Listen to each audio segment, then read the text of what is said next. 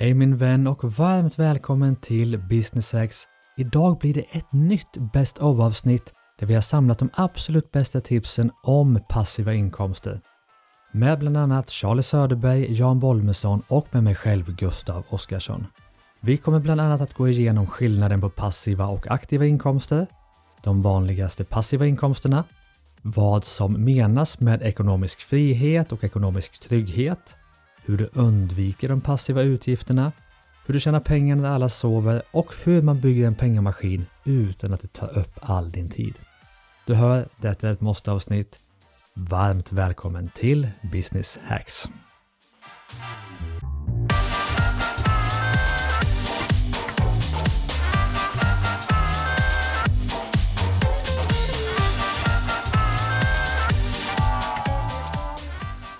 Och vi börjar det här Best of avsnittet om passiva inkomster med en fantastisk del från ett av våra avsnitt med rikedomsexperten Charlie Söderberg. Här kommer Charlie att förklara skillnaden på passiva och aktiva inkomster och de kanske vanligaste passiva inkomsterna. Men ska vi hoppa direkt in då? Vi kan väl ta att andra delen av avsnittet handlar om passiva inkomster som företagare. Aha. Men om vi Jaha, säger Mm. du? Jag Ja, nej, jag är bara följsam. ja, exakt. Ja. Men första delen tänker jag då eh, som privatperson, för alla som lyssnar driver ju företag, men de är ju Mm. också, tro det eller ej, privatpersoner. Ja, det är ju ofta så med företagare att man har en investering Mm. och det är det bolaget man jobbar i. Mm. Och där jobbar man som en tok och man jobbar dygnet runt och man har en oklar exitplan eller en klar exitplan men Mm. det är i alla fall eh, om man bortser från det faktumet att man arbetar i bolaget så Mm. kan man säga att man har lagt väldigt mycket investering på ett och samma ställe. Mm. Hade man kommit från utsidan och, och tittat och så hade man ju sagt så här, den här portföljen är väldigt obalanserad. Det är ett bolag du äger till 100% och sen väldigt få andra. Mm. Går det bra för det här blir det mycket pension, men går det dåligt för det här då har du ingenting. Ja. Så till att börja med så skulle jag säga att, att många företagare behöver bli bättre på att titta på sin privatekonomi särskilt från sin företagsekonomi. Mm. Eh, och där dyker problemet upp att den känns oftast ganska liten och väldigt beroende av företagsekonomi. Så det är Mm. liksom när det blir ekonomimöte, då har en tendens att bli så här, hur ökar vi försäljningen på bolaget? Mm. Inte hur ser vi till att vi har pengar över när månaden är slut hemma? För det, Mm. blir, det, vet, det är ju en nolla mindre på alla siffror, minst. Och så känns det lite så här, ah, det där kan vi väl ta sen, liksom. Mm. nu är det här. Men, men det är ju faktiskt det där i slutändan det handlar om. Det är ju faktiskt oss emellan inte så jädra viktigt om bolaget omsätter 2 miljoner eller 20 miljoner. Det som är Mm. intressant är ju hur mycket pengar hamnar faktiskt i min ekonomi i slutändan och Mm. hur mycket tid behöver jag upp för att det ska hända. Det. Så där, där tycker jag liksom själva grundfrågan är att titta på hur, hur får jag in pengar och där har vi ju det som var intressant när jag började titta på detta för 20 år sedan det var aktiv inkomst Mm. som är motsatsen till passiv inkomst. Det var det enda jag hade. Jag hade liksom inte urskilt att det fanns två. Mm. Och det tror jag är den första aha-upplevelsen, att det finns två sätt för pengar att flöda in. Antingen flödar de in därför att du gör någonting aktivt för att de ska komma. Mm. Du knackar dörr och säljer jultidningar liksom. Mm. Eller så kommer de in passivt därför att du hyr ut din bil via en app så att när du är på jobbet är det någon annan som kör runt i din, i din bil oavsett om du är engagerad eller inte så klingar in pengar på Mm, kontot. mm. Liksom. Kan vi då börja i det privata som sagt? Mm. Alltså, vilken typ av privatekonomiska passiva inkomster finns det? Eller vilka är de vanligaste? De- Den som de absolut flesta har Mm. är ju att man har räntor. Mm. Eh, Man har en liten ruta på deklarationen som är eh, i stort sett obefintlig men man har fått några Mm. 14 kronor på räntor. Så den, den är ju en som de flesta känner igen, det vill Mm. säga jag glömmer bort mina pengar ett år, jag låter dem stå på banken Mm. för att jag behöver dem om det regnar någon dag och så betalar de mig en avkastning på de pengarna. Det, den är ju löjligt låg för i stort sett alla, Ja. men den är ju ändå passiv. Du Mm. behöver inte göra något, du behöver inte ringa och påminna dem, du behöver liksom, spelar ingen roll hur dags går på morgonen, du får lika mycket ränta i alla fall. Ja. Den andra de flesta människor har, eh, i alla fall om man har kommit så pass långt på sin ekonomi och driver bolag, det är väl att man får aktieutdelning på sin aktieportfölj. Så är Mm. man direktägare i aktier och de bolagen lämnar aktieutdelning, då Mm. kommer de pengarna till mig. Mm. Eh, det är ganska vanligt att man försöker tänka så om man är lite mognare med sin investering, att man kanske vill ha en utdelningsgenerös portfölj, det vill säga jag köper inte för att det ska gå upp eller gå ner eller är det rea nu eller sånt, utan jag samlar på mig saker som ger mig utdelning varje år. Bolaget går med vinst, Mm. det går med vinst delar de ut aktier, eh, delar de ut vinsten till mig som aktieägare och därmed så får jag en passiv Mm. inkomst. Den tredje vanligaste skulle jag tro nu är det ju inne på någon typ av topplista här, men det skulle jag väl säga är hyresinkomster. Mm. Och hyresinkomster är väl den som det pratas mest om därför att den är liksom lite far out men ändå ganska lätt att förstå. Mm. Det vill säga, när jag flyttar köper jag ett hus som är kanske 50% större än vad jag behöver. Mm. Och sen hyr jag ut en tredjedel av det. Det är Ja. dessutom skattegynnat i Sverige så det, det är Mm. Goda sätt att, att få in en inkomst. Eller Mm. istället för att köpa en lägenhet, köp ett litet hyreshus och som bor i en av lägenheterna, hyr ut de andra. Mm. Istället för att sitta på sommarstugan två veckor per år, Mm. varför inte hyra ut de 40 av de där 52 veckorna och sen Mm. har du dina egna 12 veckor eller, Mm. eller vad man gör för någonting. Så hyresinkomster, Mm. Och det kan vara att hyra ut via Airbnb, det kan vara att köpa en lägenhet i Ja. Spanien och hyra ut Ja. den 40 veckor, ha den 12 Mm. själv och ha den gratis eller till och med tjäna pengar på den. Mm. Och det kan ju lika gärna vara, ja i och för sig fastigheter är fastigheter, men det kan ju också lika gärna vara att hyra ut andra saker. Som Mm. du sa, att hyra ut en bil eller att hyra ut verktyg. Ja, men eller det, vad den kan det, vara. Och det, har, där tycker jag, det är det roligaste med passiva Mm. inkomster nu när det gäller att möjligheten att hyra ut saker. Därför att det har ju gått ifrån att vara fult eh, i folkmun på något sätt. Liksom. Mm. Men gud, hålla på, det är mycket gnäll det här om att jag vill inte att andra människor ska hålla på och fippla med mina grejer. Mm. Nej, det, det är liksom så här. Till att idag pratar man istället om det som delningsekonomi och man Mm. pratar om det som klimatsmart. Och, och Mm. Jag är ju själv en stor hyrare. Jag Mm. hyr min el, elsparkcykel per minut, jag hyr Mm. min borrmaskin, jag hyr min cykel när jag ska ut och cykla på en, en helghyr, jag hyr bil per minut eller hyr den över en helg. Alltså Mm. jag hyr, hyr, hyr, hyr, hyr.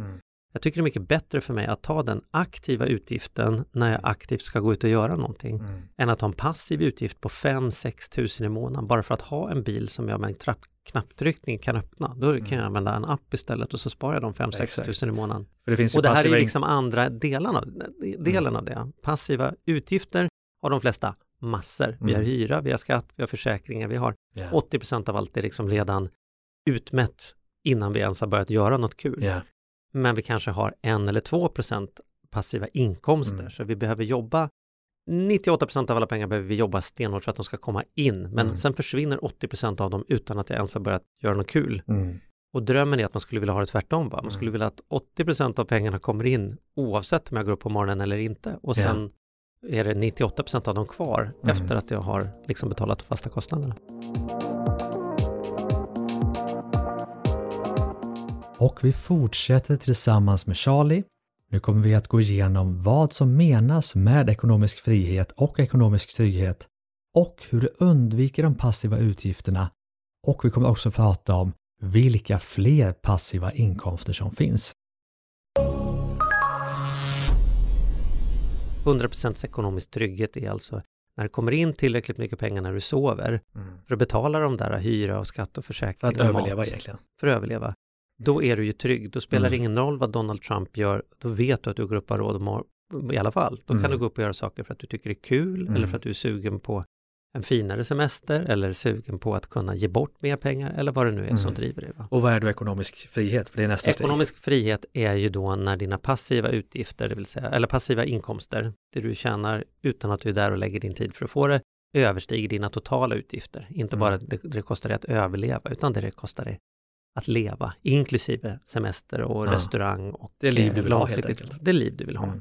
Så, och det tycker jag är viktigt att förstå, att det handlar om det liv man vill ha. Mm. Det, det är ju liksom i privatekonomin, det tror jag för att få passiva inkomster, det är väldigt sällan människor vaknar upp på morgonen och bara får syn på passiva inkomster, utan Mm. frågeställningen börjar oftast, vad är det för liv jag vill leva? Mm. Hur mycket pengar kostar det livet? Och när Mm. man har listat ut ställer man sig frågan, hur många, mycket av de pengarna skulle jag kunna få på ett annat sätt än att vara borta från kidsen hela tiden? Liksom? Och när man tittar då på just vilket liv vill jag leva så Mm. tänker man ofta att man måste äga en massa saker. Mm. Vilket kostar, ja men bil, jag ska ha en Tesla. Mm. Den kostar 12 000 i månaden. Mm. Mm, kanske jag inte behöver, jag kanske kan hyra en bil per timme som du säger. Ja, men vet, då hur kanske det mycket, blir ta- 2 5 per hur månad. mycket taxi kan du åka för 12 000 i månaden? och hur mycket energi sparar en också. Ja. Ja, ja precis. Mm. Mm. Men låt oss gå tillbaka. Passiva Mm. utgifter är jätteintressant, jag tror man förstår Det kan, konceptet. ja. Men passiva inkomster då, Mm. då har vi räntor, vi har utdelningar, Mm. och, alltså aktieutdelningar, Mm. och vi har fastigheter som de tre, topp tre. Ja, det är, väl, det är väl de de vanligaste har. Sen är Men det vill jag veta vilka typer finns det som är intressanta, som kan vara minst lika intressanta som de här, men som folk inte har koll på generellt. Alltså här är det ju svårt att bara säga så här, bam, bam, det här är smarta grejer att göra, för Mm. det handlar ju om att olika människor har olika förutsättningar. Mm. Så det handlar mer om att titta på, vad har du för någonting och det kan vara talanger, det kan vara så här, bara, bara att du kan ha en sån betalningsmodell. Mm. Jag tror att du har gjort det, jag har definitivt gjort det. Jag är ju en, om man får säga det själv, en skicklig coach och duktig på att affärsutveckla och det är många bolag som behöver det eller vill ha det men som inte har kapitalet över. Det är därför Mm. de behöver affärsutveckla. Mm. Och då kan det vara att jag går in som, som, och tar betalt i ägande istället. Mm. Så istället för att jag får aktiv inkomst, det vill säga jag får 1000 kronor per timme jag är där, så väljer jag att säga så här, men ge mig 4% av bolaget så litar Mm. jag på att mitt arbete kommer, kommer över tid generera det. Och då Mm. kan ju det bli, när det bolaget väl liksom delar ut så kan det bli hur mycket som helst. men Just det det. går ju att göra egentligen på alla sätt. Man kan hela tiden det finns ett begrepp inom detta som jag tror att en, en eh, hawaiiansk som heter Robert Kiyosaki myntade. Han sa, springer du med hinkar eller bygger du vattenledningar? Mm. där, där springa med hinkar är aktivt, det vill säga gå till brunnen och hämta vatten, går till hämta, går till hämtar. Mm. Och det är oftast det snabbaste sättet att få vatten i sitt liv. Mm. Men om du bygger en vattenledning, då kommer vattnet in i ditt kök oavsett om du springer eller inte. Mm. Det tar betydligt längre tid att bygga en vattenledning. Eh, Så att ibland missuppfattas giva inkomster som när sådana här pyramidspelssnubbar håller på och säger som att man får pengar utan att göra någonting. Mm. Så är det inte, utan det handlar om att man gör oftast ett minst lika hårt jobb. Men man gör under en begränsad tid och man gör det strategiskt för att sen kunna frikoppla sin tid och göra annat. Mm. Skriva böcker är väl en klassiker. Mm. Man skriver boken en gång, man får inte betalt per ord, Mm. man får inte betalt för vecka man skrev, man får betalt för hur många som säljs Mm. år efter år. Eh, Exakt. Webbkurser. Webbkurser är väl jättemycket sånt. Ja, Mm. precis. All typ av royalty Ja. inkomster och, och, och den typen av, av eh, affärsupplägg. Kan vi komma Skriva på musik. fler? För jag tänker folk tycker det är kul med att, att utveckla fantasin kring det här. Mm. Har du hört någon skojiga, kul, häftiga exempel på folk som har hittat passiva inkomster? Ja, men jag har ju varit med på många resor. En rolig tyckte jag var en, en konstnärinna som sa, men jag kan i alla fall inte ha några passiva inkomster. För att jag, alltså, jag målar ju tavlor, jag kan inte Ja. leja ut till någon annan och måla tavlor. Eh, och hon kom på att det kunde hon visst det, för hon kunde göra var att hon kunde måla tavlorna och istället för att sälja dem så, Mm. så skapade hon ett abonnemang för kaféer, där kaféer hade hennes tavlor x antal veckor och sen byttes de. Så hon målade tavlan en gång och sen hyrde hon ut den tolv gånger. Och de som var gäster i kaféet kunde dessutom satt en prislapp så man kunde köpa tavlan Mhm. om man ville ha och då fick kaféet dessutom eh, en provision på det. Mhm. Så hon tog bort kostnaden för att ha galleri, hon fick eh, fasta eh, passiva inkomster varje månad från de kaféerna som hyrde hennes, hennes konst Mm. och alla blev glada. Gästerna hittade grejer de ville köpa, eh, kaféerna hade, hade mycket trevligare, mysigare miljö, kunde Mm. öka sin omsättning och bara för att man tänker liksom annorlunda kring vad är det egentligen, och det var inte som att det var hennes jobb, det var hennes hobby, hennes hobby Mm. var att, att måla tavlor på fritiden. Intressant.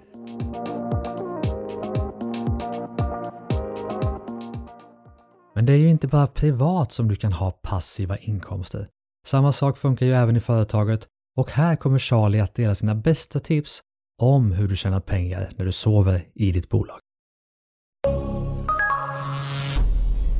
Men vi börjar ändå dra oss lite mot företagandet Mm. och passiva inkomster i företaget. Mm. Och det snackas ju mycket om skalbarhet men också om prenumerationsmodeller är ju Ja. väldigt inne och Ja. SaaS-lösningar, alltså Mm. services, jag, software. Service as a software, software as a service. Jag vet inte, jag säger alltid fel. Men, men låt oss komma in där då. Mm. Hur ska man tänka för att skapa, eller för att tjäna pengar när man sover i bolaget?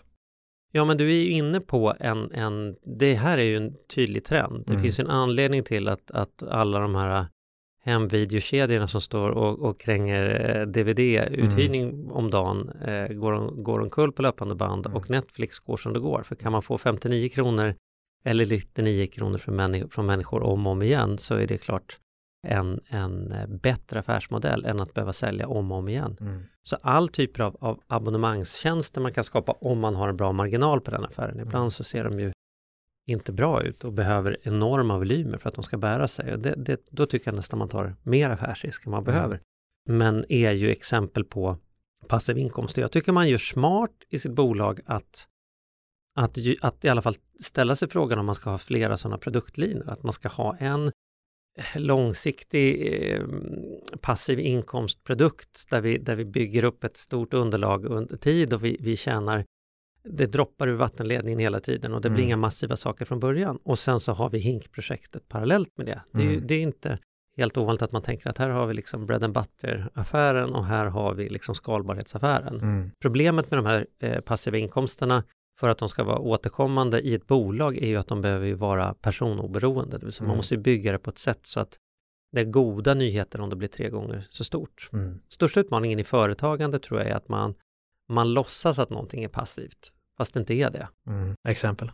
Ja, men ja, säg man ska knäta på någonting då, då. Men säg att vi har så här, vi har en, eh, vi har en butik, men nu har, vi, nu har jag en webbshop och där tjänar jag massa pengar. Liksom. Det och så säger man, det är passiva inkomster, jag behöver inte göra någonting. Mm.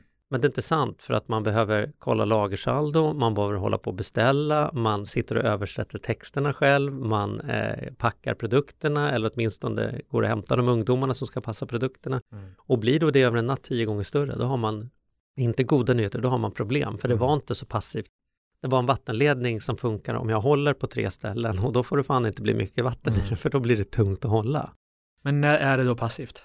Ja men passiv brukar vi säga, om du har en verksamhet som du kan åka ifrån i ett år Mm. eh, och när du kommer tillbaka är den mer välmående än vad den var när du åkte, Mm. då är den passiv. Mm. Om du åker bort ett år och du kommer tillbaka så är det bara Kronofogden och blåljus som möter dig i entrén. Då är den aktiv oavsett om du har anställda eller inte. Mm. Anställda är ingen garanti för att du bygger någonting som, är, som, som har en passiv kvalitet. Och för Mm. övrigt, passiv kvalitet ökar ju också dramatiskt eh, exitmöjligheten. För det gör ju att om det inte behövs en Gustav Oscarsson för att driva det, Mm. då kan ju också en rad andra människor köpa det. Men måste jag redan vara en etablerad, smart, duktig poddpratare för att ta över den här podden, då är det ju listan väldigt få människor Mm. Som kan köpa det. Mm.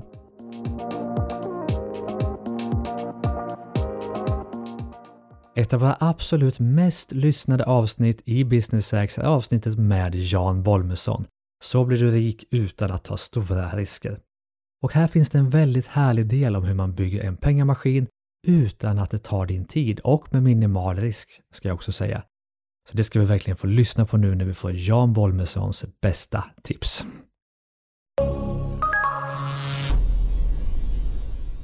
Jag tänker vi ska fokusera avsnittet på det, hur man bygger upp ett sparande som är så automatiserat och enkelt och lönsamt som möjligt. Känns det okej? Absolut, gud ja. Vad härligt. Och det kom vi överens om innan så att jag hoppas att, att du skulle säga ja. bara, precis, bara, nej. Eh, Men du, vad, vad är grundpelarna i det här? Liksom, vad ska vi stötta avsnittet på? Eh, Finns det några grundpelare som du vill liksom redan nu i början eh, lära ut till lyssnarna? Nej, men jag, jag tror att du sätter eh, fingret väldigt mycket på det, att de flesta företagare är väldigt duktiga på att driva sin business. Sen kan jag ibland uppleva också att man prioriterar sig själv eh, bakom, liksom efter businessen, att man liksom ofta prioriterar liksom eh, leverantörsskulder, man prioriterar de anställdas löner, man prioriterar i princip alla andra än en själv. Eh, och, och jag brukar ibland tänka på det, men tänk om det är så som flygvärdinnorna säger på, på flyget, liksom så här, i händelse av tryckfall i kabinen, sätt först på den masken på dig själv innan du hjälper alla andra. Mm. Eh, och och där, där tänker jag på, på någon nivå att om man också som företagare kan känna att man har en stabil bas, man har en stabil grund, alltså att man, jag brukar ibland säga, kan, har man ett stabilt försvar, då kan man spela ett aggressivt anfall.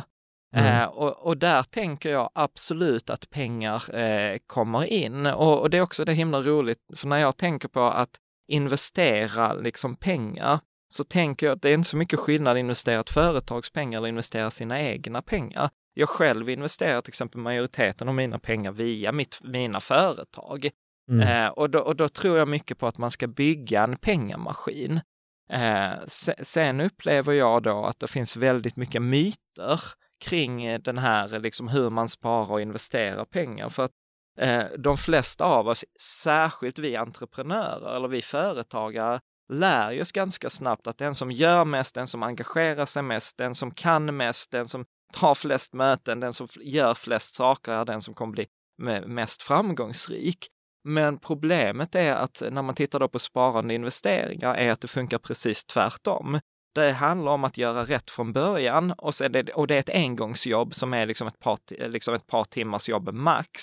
Och sen vara liksom oengagerad, lat, passiv, inte bry sig, inte logga in, inte följa det.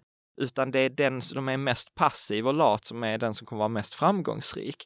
Så att det är ett lite annat sätt att tänka. Men när man väl har vant sig vid det så tänker man så här, gud vad bra att detta sparande på pengamaskinen inte tar någon tid, för då kan jag fokusera på att tjäna mer pengar i min business. Mm. Liksom. Intressant, för jag var på eh, Avanza Forum heter det väl för några år sedan. Och då hade de gjort statistik Ja. på vilka av Avanzas kunder som hade haft bäst avkastning. Och det var ju då Ja. barn, barn och pensionärer. Det var alltså de Ja. som hade rört pengarna absolut minst. Ja, jag vet inte om detta är sant Gustav, men det, det sägs att det finns några studier som gjordes precis på det här eh, på Fidelity i USA. Mm. Och då kom de fram till att en kundgrupp, det var alltså den överpresterade liksom absolut mot alla andra. Mm. Och sen insåg de att det var den kundgruppen som var död. Ja, det är underbart. Ja. ja, jag vet inte om det är sant, men det är en bra story och det går i linje Vi, kan, vi, med, vi med att det, forskning är, och det. att det är sant. ja, det är magiskt. Men du, eh, pengamaskin, jag, jag älskar ju begreppet pengamaskin. Och vi kan då Ja. anta att den som lyssnar på det här driver företag.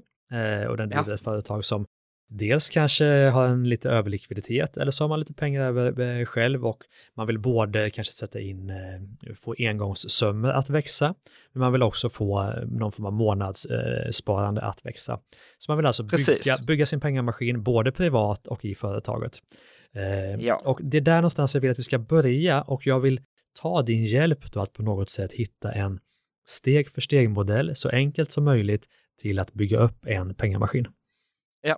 Nej men det, det första jag skulle säga, jag gillar jättemycket det du säger liksom kring att man kan även ha ett månadssparande. De flesta av oss är ju vana att som privatperson att man månadssparar, men även ett företag kan månadsspara, vilket är jättebra.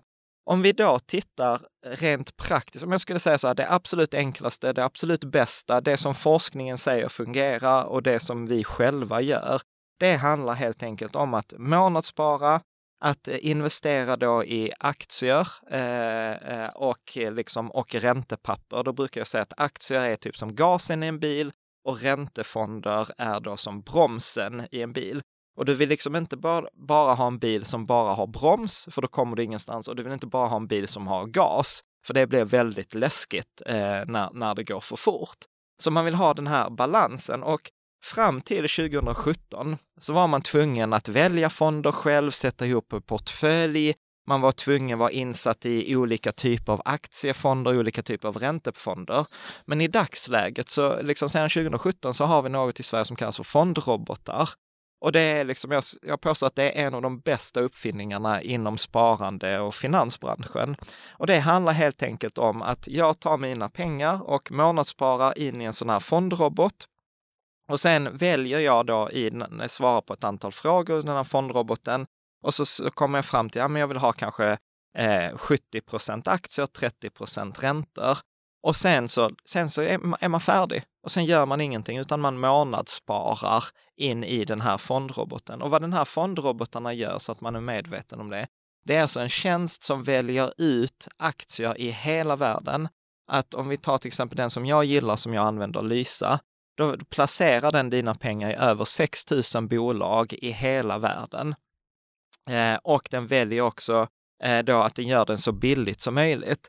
Så att till exempel om man väljer fonder själv, då får man ofta betala ungefär 0,4 eh, procent. Om jag väljer en fondrobot, då betalar jag ungefär samma, mellan 0,4 och 0,8 procent. Eh, och sen så kan jag bara liksom glömma det. Och det, det som jag brukar säga så här, och det är här detta kommer in att vara lat och passiv. Att Mm. våra pengar jobbar mycket bättre än vad vi någonsin kommer göra och de behöver jobba i fred. Så att jag behöver liksom inse att den största fienden för mina pengar, det är jag själv. Eh, och inte marknaden som många tror. Ja, men tänk om det kommer en börskrasch. Nej, forskningen visar att eh, mer pengar förloras på beteendemisstag än i själva marknaden. Eh, och slutligen också, när man då investerar i en sån här fondrobot, det är väldigt svårt att göra det bättre själv eller göra det billigare själv och det är väldigt svårt att komma närmare den fors- det som forskningen säger. Så att, ehm, ja, så jag skulle säga så här, fondrobot, jag själv gillar eh, Lysa, det finns andra som Opti till exempel också.